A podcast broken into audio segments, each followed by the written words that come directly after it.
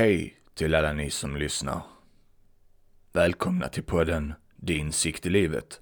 Mitt namn är Joakim Rasmussen och idag tänkte jag prata om Kan någon hjälpa mig? Jag har varit ute och läst en hel del ute på nätet. I bloggar, i mail, i inlägg. Och många frågar när de mår dåligt, kan någon hjälpa mig?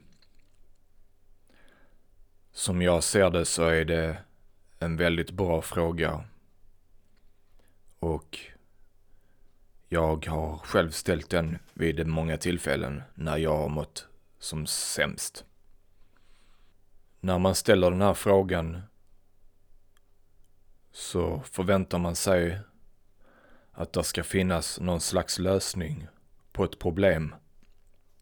Därmed så anser man att någonting är ett problem. Man mår dåligt, man vill inte må dåligt. Vad är det för fel? När man tittar på detta hållet så ser man ganska tydligt att man försöker hitta en lösning på någonting.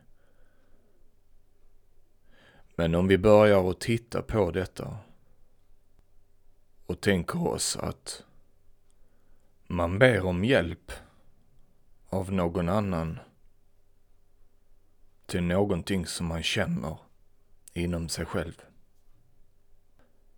Man känner på något sätt man är hjälplös. Jag har känt mig hjälplös själv. Och då har jag också bett om hjälp. Och vi kan alla någon gång känna oss väldigt hjälplösa. Denna hjälplöshet är fruktansvärd för den som upplever den. I den stunden som den upplever den. Men när man är i den sitsen så har man inte riktigt förmågan att ställa den rätta frågan. För om man tittar lite på den här frågan, kan någon hjälpa mig? Och någon frågar, vad skulle du vilja ha hjälp med? Vad är ditt problem? Och personen känner, jag mår dåligt, jag har svårt för att sova, jag tänker mycket och så vidare. Detta kan ju hända vem som helst. Men min fråga är också, hur kan någon annan vara till hjälp med det som händer inom en själv? Jag pratar inte om det fysiska. Jag pratar inte om man har en skada inombords som behöver opereras eller, eller något sånt åt det hållet. Utan jag pratar om den psykologiska upplevelsen. Var denna bilden av livet skapas. Var den kommer ifrån. Var den spelas upp så att säga. För det måste ju vara så att den personen som ber om den här hjälpen just där och då inte riktigt förstår hur vi fungerar. Precis som jag. Jag förstod inte hur jag fungerade. Men ibland var jag lite smartare och ställde frågan också vad ska någon annan göra åt detta? Och jag menade inte det som utifrån ett hopplöst perspektiv. Att det inte finns någon lösning på problemet. Utan min fråga var bara rakt av. Hur ska någon annan kunna hjälpa mig med de här grejerna, med de här problemen? Och saken är den att det finns ingen som kan hjälpa en på det sättet som man tror.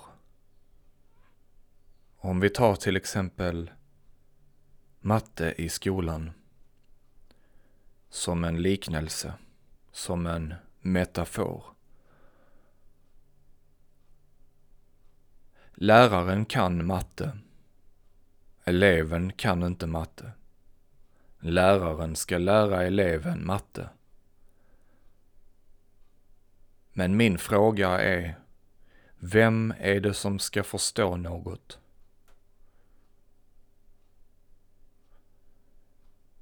Ja, det är ju eleven som ska förstå något. Då måste jag ställa nästa fråga. Hur mycket bidrar läraren till att en elev ska förstå något? Som jag ser det så måste eleven förstå något för att där ska förstås något. Det är alltså upp till eleven att förstå något. Vad jag menar är att om eleven ska förstå något så är det just där det måste hända något. Jag säger inte att det är elevens fel att den inte förstår. För det är inte elevens fel att inte förstå. Precis lika mycket fel som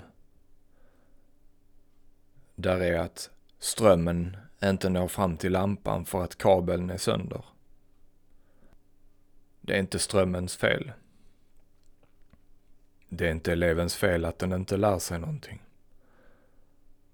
Och det är inte heller lärarens fel att eleven inte förstår något. En lärare kan stå och prata i timmar och förklara och rita och vara pedagogisk i flera, flera timmar, i flera, flera dagar, i flera, flera veckor. Men om det inte är någon elev, hur ska denna eleven kunna lära sig någonting då? I slutändan så är det eleven som ska uppfatta någonting, som ska förstå någonting. Detta förståendet, denna insikten sker hos eleven. Denna insikten har inte läraren eller eleven eller någon annan för den delen någon som helst kontroll över. Så om vi då återgår till kan någon hjälpa mig? Så är det snabba svaret nej. Ingen kan hjälpa dig. För det första så är det för att detta sker hos dig. För det andra så behöver du ingen hjälp. För att det är så vi fungerar. Vi upplever det vi tänker på. Det är den filmen som spelas upp som vi tänker på. Vill du inte uppleva den filmen som spelas just nu, så låt den vara. Ge den ingen uppmärksamhet. Låt filmen spelas. Du behöver inte tycka om allting du tänker på. Du behöver samtidigt inte tro att det är något fel på dig bara för att du tänker konstiga, skumma, äckliga tankar. Därför att det gör vi alla. Och vi behöver inte kontrollera något som vi ändå inte har kontrollen över. Och de tankarna som kommer till dig, tro mig, de har faktiskt ingenting med dig att göra. Även om du tror att tankarna har med dig att göra för att de pekar på saker som du har varit med om. Men ställ dig då nästa fråga. Varför i helsike skulle du tänka just de här tankarna ifall du fått välja?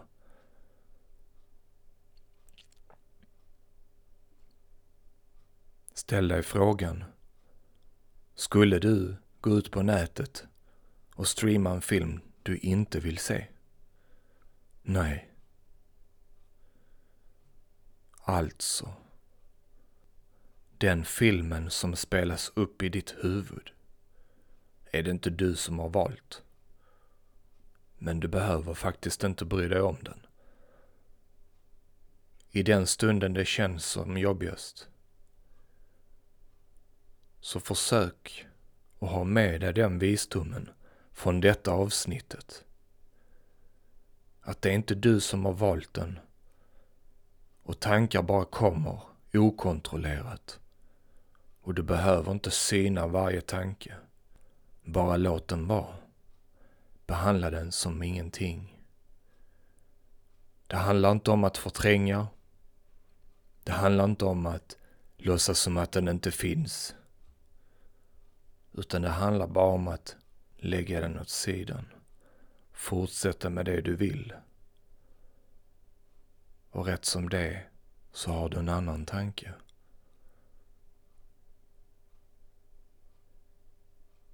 Jag tackar så mycket för mig. Mitt namn är Joakim Rasmussen. Vill du komma i kontakt med mig så kan du få ett samtal med mig utan kostnad. Gå in på min hemsida www.dinsiktilivet.se. Där hittar du information och lite bakgrund till vem jag är. Så gå in där, kontakta mig, så hörs vi. Kram.